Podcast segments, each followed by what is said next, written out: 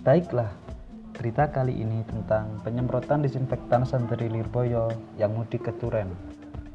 Semprotan disinfektan Satgas COVID-19 Kecamatan Turen Kabupaten Malang menyambut 44 santri pondok pesantren Lirboyo Kediri yang tiba di pondok cabang Lirboyo di Sedayu, Turen.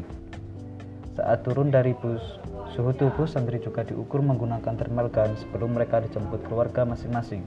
Saat bus tiba, santri tak boleh turun dulu, kata Sugeng Supriyanto, Sekretaris PMI Kecamatan Turen.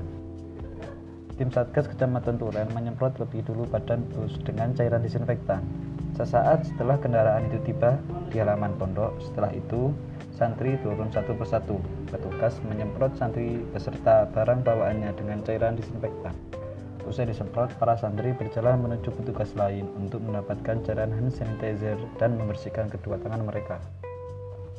Santri kemudian menjalani pemeriksaan terakhir, yaitu pengecekan suhu tubuh menggunakan thermal gun.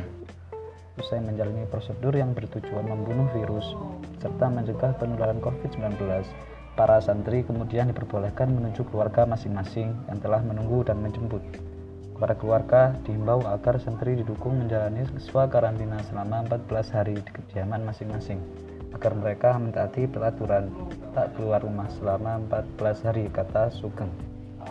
44 santri yang mudik berasal dari Kecamatan Turen dan Sumber Manjing Wetan, Kabupaten Malang. Santri lain juga mendapatkan perlakuan yang sama untuk mencegah penularan virus corona di Kabupaten Malang. Itulah informasi saat ini.